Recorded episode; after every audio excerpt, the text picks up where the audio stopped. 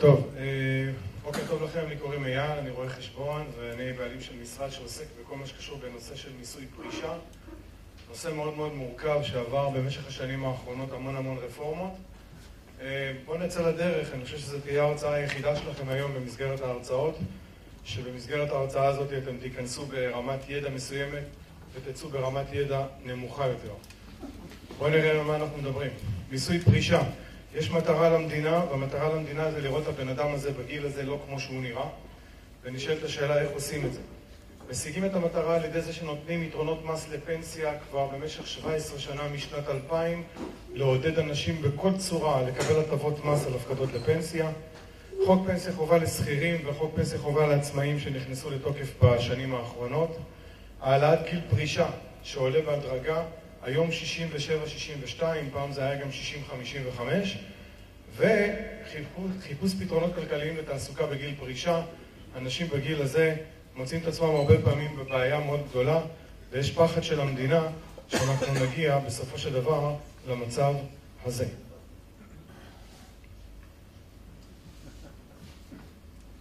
אוקיי, אז מה אנחנו עושים כדי לא להיות שם? בואו נראה איך אנחנו יוצאים לדרך. קודם כל, המפץ הגדול הראשון נכנס לתוקף בראשון לראשון 2008. ובראשון לראשון 2008 באה המדינה והפרידה בין הכספים ההוניים לכספים הקצבתיים.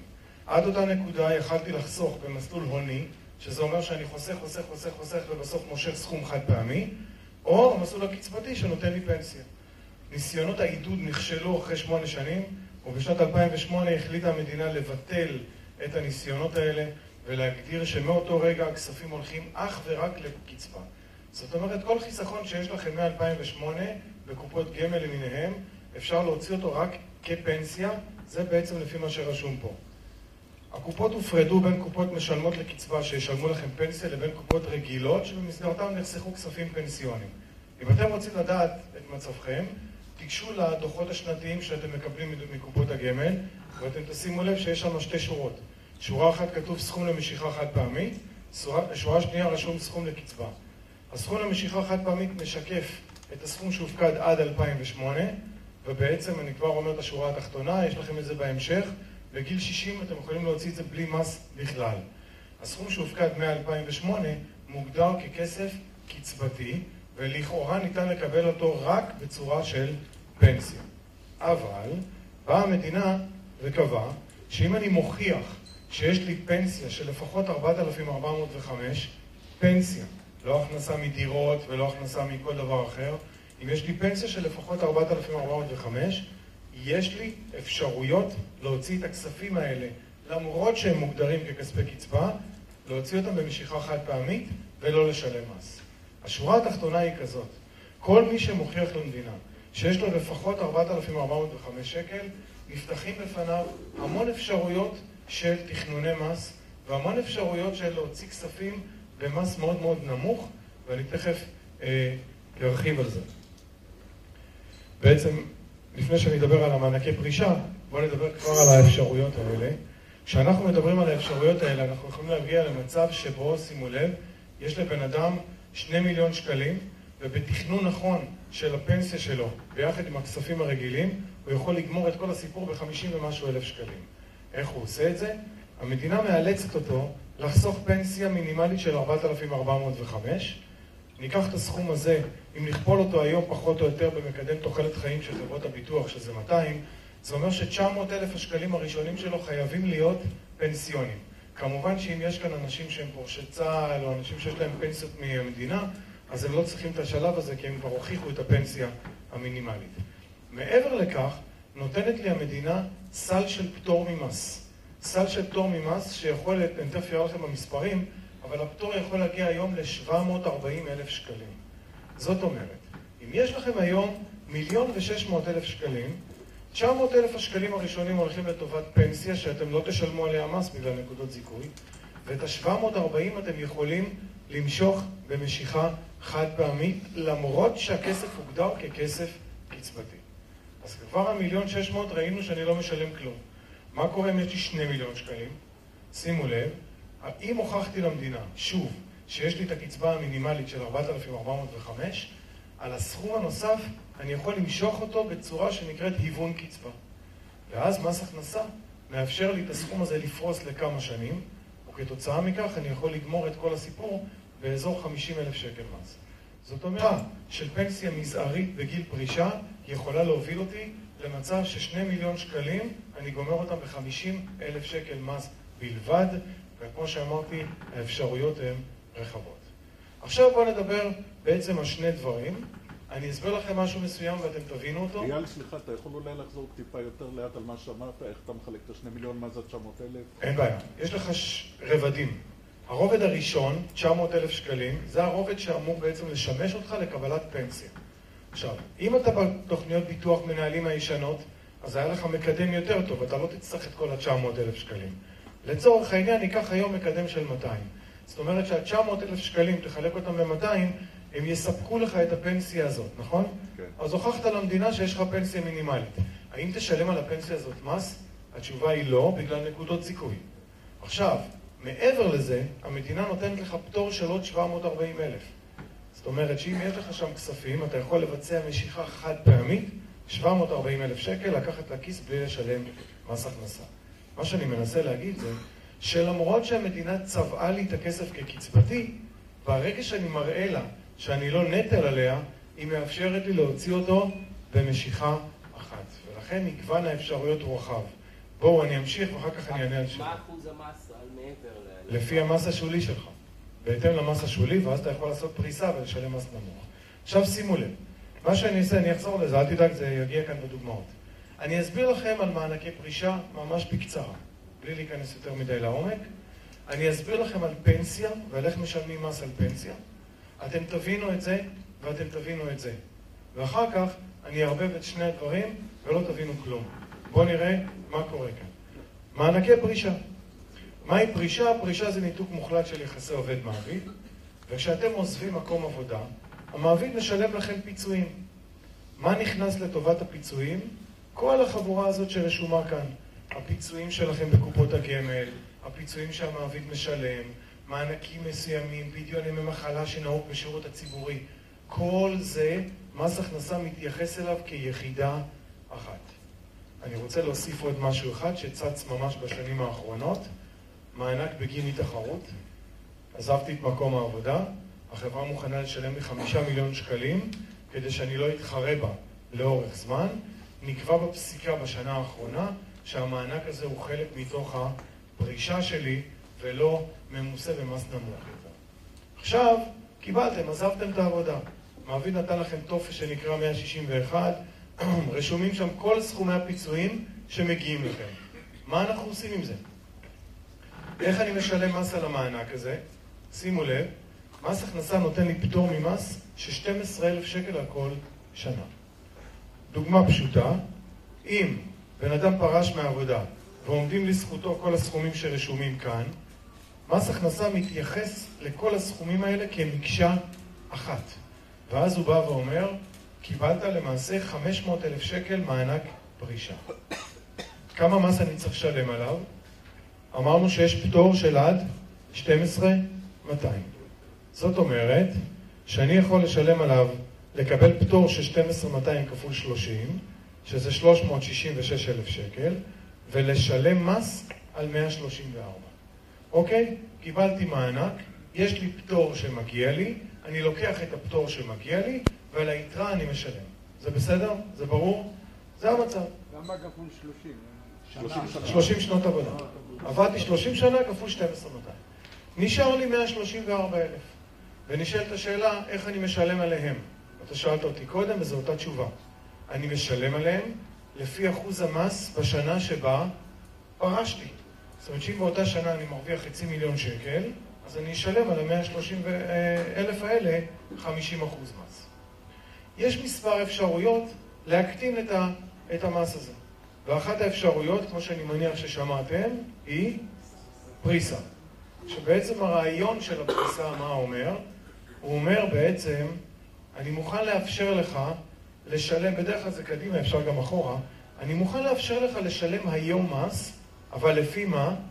לפי מה שאתה אמור להרוויח בעתיד.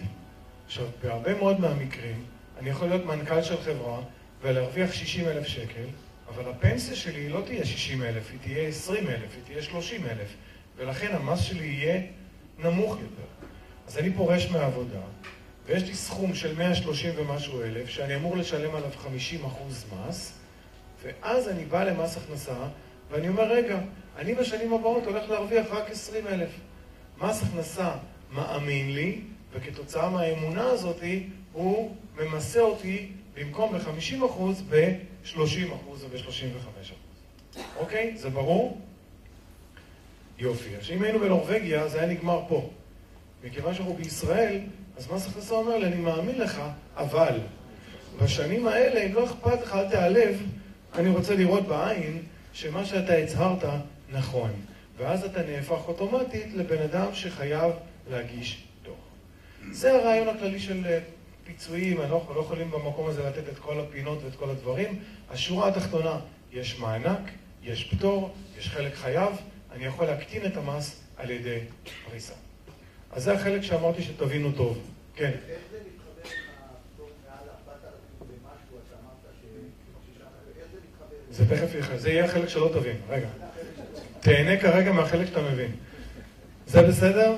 יאללה. עכשיו בוא נדבר על איך, איך בעצם משלמים מס על הפנסיה, שזה כבר מתחיל להתקשר למה שאתה שואל אותי, אוקיי?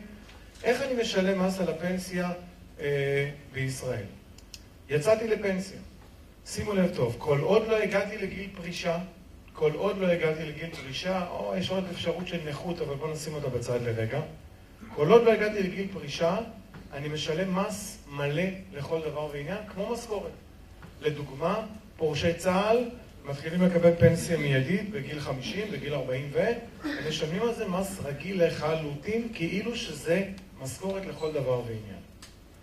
אבל, ברגע שהגעתי לגיל 67, ברגע שהגעתי לגיל הזה, מס הכנסה נותן לי איזשהו פטור ממס על הפנסיה. ונשאלת השאלה, מה זה הפטור הזה? אז הפטור, רבותיי, קודם כל בואו נבין רגע מה הרעיון של פטור. אם נניח, יש לי 15,000 שקל פנסיה, ויש לי 1,000 שקל פטור, המשמעות היא שאני מקבל 15, אבל אני משלם מס כאילו קיבלתי 14. עכשיו נשאלת השאלה, איך קבעו את הפטור? שימו לב, נקבע כך, הפטור עומד על 67% מהתקרה. התקרה זה מה שראינו קודם, 8,360. זאת אומרת, מה הפטור? אחוז קבוע כפול תקרה קבועה. וזה אומר שבעצם הפטור קבוע ולא תלוי בגובה הקצבה. יכולה להיות לי פנסיה של עשרת אלפים שקל, יכולה להיות לי פנסיה של ארבעים אלף שקל, הפטור שלי הוא עדיין אותו פטור. אוקיי. אז בואו נראה, בעצם, בכפוף להוראות השעה, מבוצעת העלאה בהדרגה. זה נכון שזה 67 אחוז, אבל זה פעם היה 35, פעם הייתי באשליה שמצלמים אותי. אתם, אה, יש לכם את המצגות? 43 וחצי אחוז, זה היה פעם 35 אחוז, זה עלה ל-43 וחצי, זה עלה אחר כך ל-40, זה היום עומד על 49 אחוז, כמו שאתם רואים, ב-2020 זה גדל ל-52, והתחנה הסופית היא 67 אחוז, נראה אם באמת זה יקרה עד אז, בספקות, אבל אוקיי. זה פחות או יותר הרעיון. עכשיו בואו נראה דוגמה, ונראה איך, איך בעצם בן אדם משלם מס על פנסיה. נניח שהוא בן 67, והוא התחיל לקבל פנסיה של עשרת אלפים שקל. שאלה ראשונה, אם הוא היה בן 66, כמה, על מה הוא היה משלם מס? על כל העשר, נכון? אמרנו אין פטור. בגלל שהוא בגיל 67, יש לו פטור קבוע של 4,096. זה פה 4,096, זה טעות כאן.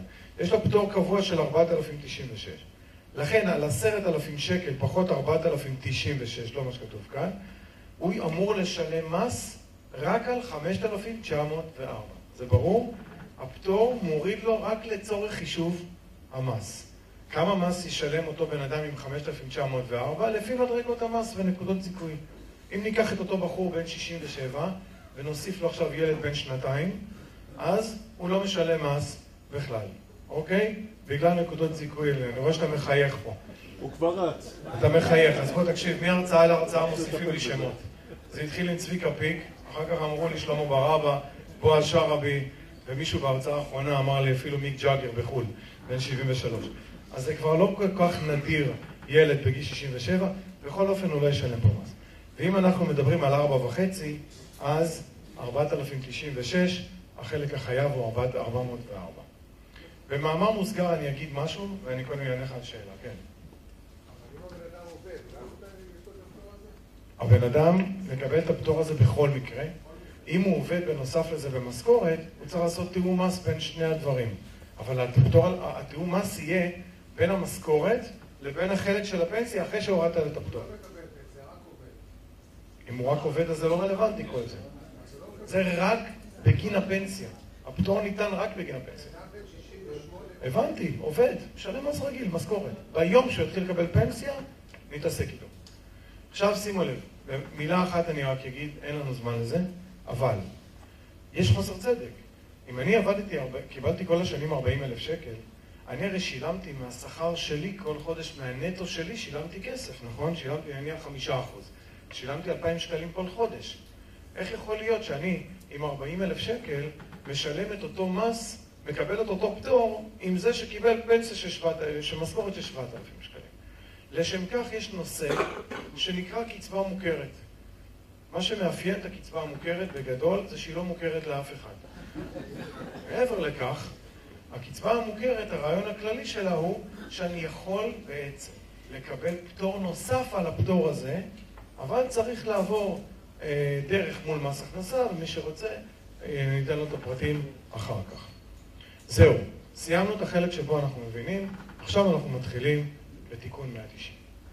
תיקון 190 נכנס לתוקף בראשון לראשון 2012. כשאתם תקלידו, יש גאונים, יש חבר'ה גאונים בבתי השקעות, אין לי מה לומר. ובילין ובאלטשולר ובכולם. כשאתם תקלידו היום בגוגל תיקון 190, מילה ממה שאני אגיד פה לא תהיה רשומה. מה יהיה רשום? בוא תשקיע בתוכנית לפי 190, בוא תשקיע לפי 190. כל מה שאני אגיד, זה, זה תיקון 190. כל היתר זה בשוליים, אבל לא תמצאו על זה מילה, כי רוצים את הכסף, את ההשקעות, זה מה שחשוב. ובכל זאת, בואו נראה מה כתוב כאן בתיקון הזה, שימו לב טוב. מענקים פטורים זה מענקים פטורים שקיבל העובד ב-32 שנות העבודה שקדמו לגיל הזכאות. מכפיל ההמרה להון זה 180. יתרת ההון הפטורה זה הסכום, יש פה מקדם של 1.35, ויתרת ההון הפטורה זה הסכום שמתקבל מהפחתה של 2 מ-1. 67% מתקרת הקצבה המזכה שהוא מוכפל במכפיל ההמרה להון, מענקים פטורים צמודים למדד, עד הראשון הראשון של גיל הזכאות מוכפלים במקדם. אם זה ברור, אני עובר לנושא הבא. זה שכתב את הסעיף הזה בגאה עכשיו, צועק שהוא היה פעם ראש הממשלה. בואו נראה מה בעצם אומר הסעיף. הוא אומר את הדבר הבא. הוא אומר, אתם זוכרים שנתתי לכם איזשהו פטור על הפיצויים? יופי. אתם זוכרים שנתתי לכם איזשהו פטור על הפנסיה? גם יופי. עכשיו, ברוכים הבאים לישראל. אין גם וגם. זה מה שאומר הסעיף. אבל לא רק אין גם וגם, שימו לב טוב, יש קנס. יש קנס בשיעור 35 אחוז. והנה כל החיוכים נמחו לאנשים מהפרצוף. שימו לב, המדינה אומרת את הדבר הבא: אנחנו רוצים לראות אותך עם פנסיה כמה שיותר גבוהה. מה שמסתתר מאחורי זה, אל תיפול לנו על הצוואר. עכשיו נחזור למילים היפות. אנחנו רוצים לראות אותך עם פנסיה כמה שיותר גבוהה. ולכן אנחנו רוצים לעודד אותך, שאם יש לך כספי פיצויים, אתה לא תמשוך אותם. אתה תשאיר אותם לפנסיה, בעתיד, וגם אם קיבלת אותם, אז אפילו מעדיפים שתשלם עליהם היום מס כדי שיהיה לך יותר בעתיד. איך עושים את זה? צריך לדרבן אותך לזה. דרבון עובד פה רק דרך כוח, ולכן הדרבון עובר דרך קנס. אומרת לי המדינה, שים לב, שימו לב טוב, כל מענק פטור שאתם לקחתם ב-32 שנות העבודה האחרונות שלכם, זה נחמד שלקחתם אותו, אבל אנחנו נוריד לכם אותו מ-4,000 שקל פטור שהיה לכם קודם, ואנחנו נוריד אותו עם מקדם קנס של 35 זאת אומרת שהמדינה... מכיוון שאי אפשר להכיל את זה, הבנתי אותך, מכיוון שהחוק הזה נכנס לתוקף בינואר 12, אי אפשר לבוא לבן אדם שפרש ב-2008 ולהגיד לו שהוא לא ידע שהמציאו חוק כזה, לכן יש הוראות מעבר, וההוראות האלה מדברות לגבי התקופה הישנה על 15 שנה, בגדול. אבל אלא אם כן יש לך פנסיה מוקדמת. אבל בואו נחזור רגע למצב הרגיל. סופרים 32, דרך אגב, למה 32 שנה? מאיפה המציאו את זה, אתם יודעים? בחודש יפה מאוד. ומעבר לכך, בלשון החוק תמיד יש הסבר למטה למה, למה החוק הזה בעצם, אה, מה המטרה של החוק. אז אה, מה שהמדינה כתבה שם בעצם זה שגיל 67, אם נוריד ממנו 32 שנה, אז זה הגיל שאנחנו מצפים שבן אדם אה, אה, יעזוב את הסוני פלייסטיישן ויתחיל לחשוב על העתיד שלו. זה פחות או יותר מה שהמדינה רשמה בנוסח החוק. אבל מה קרה אז? קרה אז מה שקורה הרבה פעמים למדינה. מה קורה? מגרד ביד לקבל קצת עוד כסף. בהצעת החוק המקורית, רבותיי, זה היה 32 שנה. בדקה ה-90 בתוך זמן פציעות הוסיפו את המילה עבודה. עכשיו למה זה משנה? זה משנה. כי אם אני הפסקתי לעבוד בגיל 60, אז השנים בין 60 ל-67, בנוסח הקודם היו נחשבות, ומה קורה עכשיו? לא נחשבות, מנטרלים לי אותן, ומגיל 60 סופרים לי 32 שנה. אז פתאום בן אדם בן 28 כבר צריך לחשוב על העתיד שלו. אבל מה זה עקרונות שמדובר בעוד כמה אה, שקלים לקבל? אז זה הרעיון הכללי. יש קנס ואני צריך לחשוב עליו. אני תכף אראה לכם את זה. בואו נראה את הדוגמה אה, הזאת. אדם פרש בגיל 60, לאחר 36 שנות עבודה. הוא קיבל פיצויים של 360 אלף שקל. בשנת 2017 התחיל לקבל פנסיה חודשית של 10,000 שקל, ויש כאן מדד. ונשאלת השאלה, מה יהיה הפטור שמגיע להם? עכשיו תהיו איתי רגע. מה אמרנו הפטור לחודש? נכון זה היה 4,096? כמה שנים נתנו לי לחיות? 180 חודש, נכון? 180 חודש, דרך אגב, למה זה 180? אתם יודעים? זה היה אמור להיות, אבל זה היה אמור להיות 200, נכון? חי, חי. לא, היה אמור להיות 200, כי זה הממוצע היום. כשהגישו את הצעת החוק, אז ידעו שמי שיושב בוועדת הכספים זה הרב אה, גפני. וידעו שהכל זה... אז אמרו, נשים 180, הוא יגיד 220, נסגור 200. אמרו, עשה 180, לא אמר כלום, אמרו תודה רבה. זו הסיבה שזה 180. עכשיו אנחנו לוקחים את ה-180 האלה, כופלים ב-4096, ואנחנו מגיעים למספר שהוא בערך 740, זה 737 אלף. מה משקף ה-740? דמיינו רגע איזה עיגול גדול, זה סל הפטור שמגיע לי לכל החיים, אוקיי? אתם איתי? יש פטור של 4,000 לחודש, עכשיו נוסיף עוד חודש ועוד חודש ועוד חודש, 15 שנה מגיע לי 740 על הפנסיה. אבל מה צריך להוריד מה-740 האלה? את מה? את הפיצויים שקיבלתי. אז אני לקחתי 360 אלף. עכשיו תשים לב, לקחתי 360 אלף עבור כמה שנים? 36. כמה שנים אמרנו אחורה בודקים לי? 32. אז בואו נראה את הפתרון, הנה תראו. נעבור כאן על הפתרון, ואני מבטיח לכם שזה יהיה ברור. מה הפיצויים שאמרת? הוא משך את הוא משך פיצויים פטורים. דרך אגב, זה לא משנה אם הוא משך או לא. אה, אם הוא השאיר לקצבה זה מצוין, זאת אומרת שלא קרה כלום, אוקיי? אז בואו נסתכל על הפתרון של הדוגמה, וזה יהיה ברור בעיקר לי. בואו נראה. בן אדם בן גיל 67, רלוונטי עוד 32 שנות העבודה האחרונות מתוך 36. וזה אומר שבעצם אני צריך לקחת את החלק היחסי. הוא קיבל 360 אלף שקל פטור ממס, נכון? אבל מה מקלקל לו את הפטור על הפנסיה? רק ה-32. אז רק ה-320 אלף מקלקלים לו את הפטור. ואז, כשאני לוקח את ה-320, מס הכנסה אומר לי, אדוני, זה היה לפני שבע שנים, מה לא? מה עם ההצמדה? אז אני אומר, טוב, אוקיי, יאללה, נו, שיהיה הצמדה. ואז מס הכנסה אומר לי, רגע, יש קנס? מה עם ה-35% קנס? ואז את זה אני מוריד מהסל פטור, מה-740 שאמרתי לכם. אז מה יוצא מזה? יוצא מזה, שימו לב, שאם אני מחלק את זה חזרה ב-180, הפטור שהיה 4,000 נהיה 1,450. עכשיו, מה הקטע? שרוב האנשים לא יודעים את זה בכלל. החוק הזה, אני לא יודע אם אתם יודעים, אבל תסתובבו, מה, גם במס הכנסה, במסדרונות של מס הכנסה, והם יגידו לכם, אה, זה החוק החדש, אנחנו בזה לא עוסקים, לך למשה. החוק החדש, אנחנו שש שנים כבר, אחרי. עדיין זה נתפס כחוק חדש. עכשיו, יש יועצים שהפנימו, ויש הרבה שלא. ואז מה עושים? אותו רואה חשבון עיראקי בן 70, אני יכול להרשות לעצמי כי זה ממוצע שלי, הוא יגיד לכם, תיקח את הפטור, תעשה פריסה. זה מה שהוא יודע.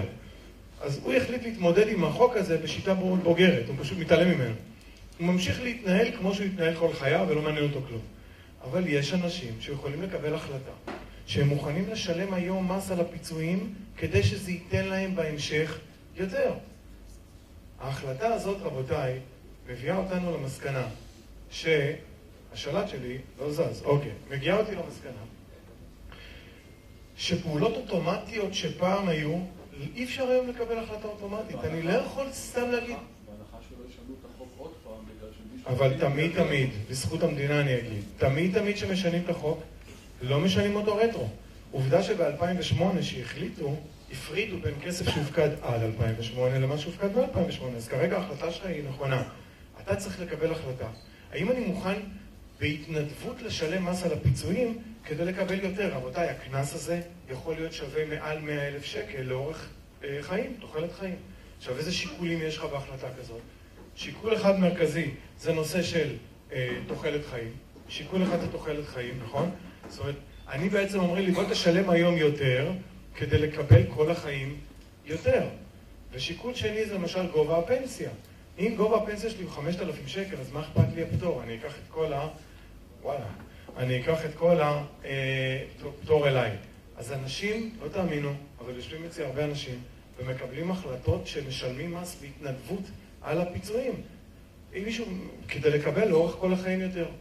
מישהו אחד ישב אצלי בפגישה ואמר לי, תקשיב, אני רוצה לשלם מס על כל הפיצויים, ואני בווין ווין, כי אנחנו בגנים, בדקתי, כל המשפחה, 90 אה, חיים לפחות גיל 90. כשה... גם אריק שרון אמר את זה. כשהתחשיב, כן, זה לא עזר.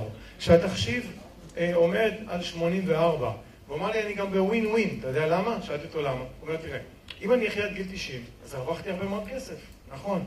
ואם אני אמות קודם, אני לא אדע שהפסדתי. זה, זה הרעיון, רבותיי, זו השורה התחתונה של תיקון 190 מעבר להשקעות ומעבר לכל.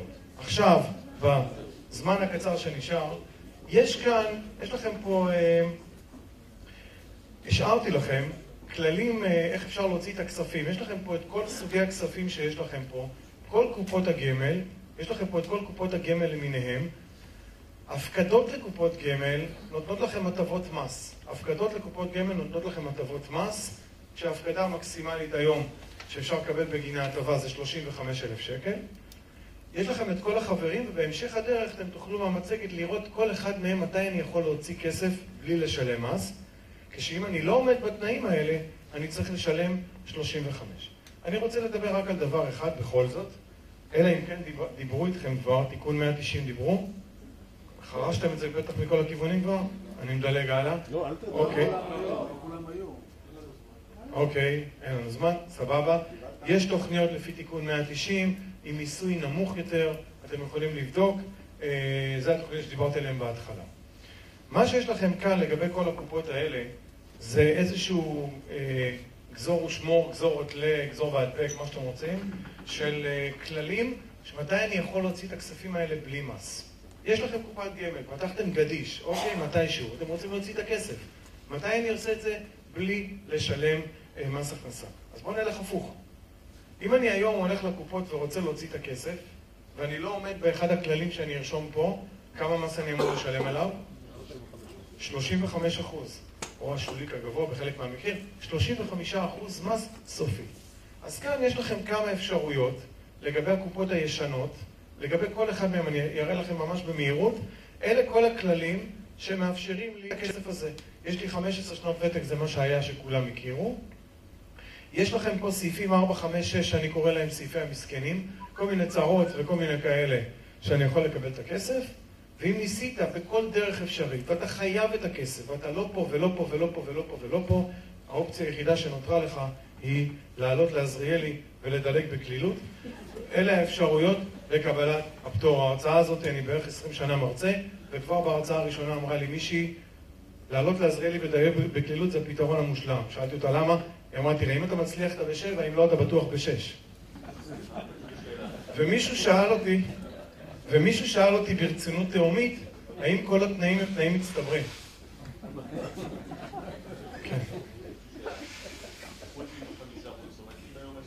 לצמיתות. כשאירוע הנכות קרה אחרי מועד פתיחת קופת הגמל. לא נכנסתי פה לכל הכללים. טוב, יש פה אותו דבר לגבי קופות גמל, עמית שכיר, שנייה, אני רק אסיים ואני אענה על שאלות. אותו דבר לגבי קצבה. אה, קרן השתלמות, יש לכם את הכללים גם כן, אתם יודעים, מה, זה בסופו של דבר המכשיר חיסכון הכי, הכי, שנשאר, היחיד שנשאר אה, מוגן בעצם מכל מיני מיסויים כאלה או אחרים. דרך אגב, ממש מילה, יש לי עוד דקה, נכון? ממש מילה לגבי קרן השתלמות. אם אני מוציא קרן השתלמות לפני השש שנים, נכון? כולם יודעים, יש שש שנים, יש זה, זה וזה, הנה זה פה. שש שנים, גיל פרישה, שלוש שנים ואופציה של פטירה. באחת ההרצאות בא אליי מישהו לחץ את היד, אמר לי, תקשיב, לא הבנתי כלום, אבל הפטירה, בסדר, קלטתי. אוקיי, עכשיו, קרן השתלמות, בכל זאת אני אשאל אתכם. אם אני מוציא את הכסף לפני שש שנים, אני צריך לשלם על זה מס. כמה מס אני משלם על זה? אתם יודעים? זה לא 35 אחוז, זה לפי המס השולי. וזה מעלה לי את השאלה האחרונה, למה אנשים בכלל פודים קרן השתלמות אה, לפני הזמן? כי אתם יודעים הרי שאפשר אחרי שלוש שנים לקבל הלוואה. אז איזה סוג של אנשים פודה, פודה קרן השתלמות פתאום? אחד, אנשים שהסתבכו, אוקיי? כאלה שמונר דופק להם בדלת, אז לא מעניין אותם כרגע כללי המשיכה. והאופציה השנייה, אני קורא לזה המתגרש המתוחכם.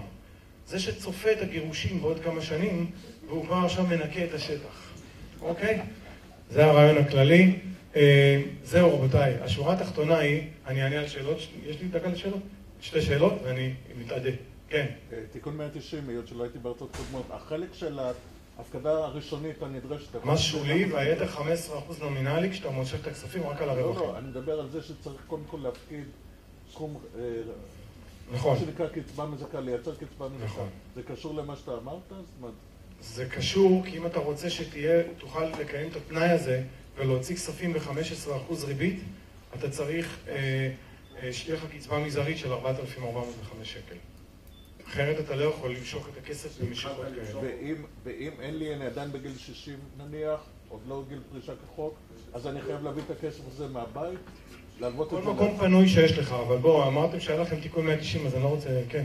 אחד, האם הרובד של אה, ביטוח לאומי אה, יכול להיות חלק מהוכחת קצבה? לא. שתיים, עצמאים, איך סופרים להם את הכסף של 92 שנים? אין בעיה עם עצמאים. אם הוא עצמאי כל השנים, מגיע לו 49% כי הוא לא משך פיצויים פטורים. זהו, רבותיי. אה, מה הנושא? אדם אה, נפטר, אדם בגיל אה, 80 פלוס, שיש לו קופת גמל, נפטר, היורשים שלו מקבלים את זה פטור? ממס? פטור ממס. זאת אומרת, היורשים תמיד מקבלים... פטור חוץ מקופת גמל לפי תיקון 190, שאם הוא נפטר עד גיל 75 זה פטור, מעל גיל 75 זה 15% מס, זאת אומרת שאם הילדים שלך מזמינים אותך בגיל 74 ו-11 חודש לארוחה, תבדוק מה יש בצלחת. רבותיי, שימו לב, יש לכם פה, אה, אה, יש לכם לא פה, יש לכם שם כרטיסי ביקור למי שרוצה, וזהו, תודה רבה.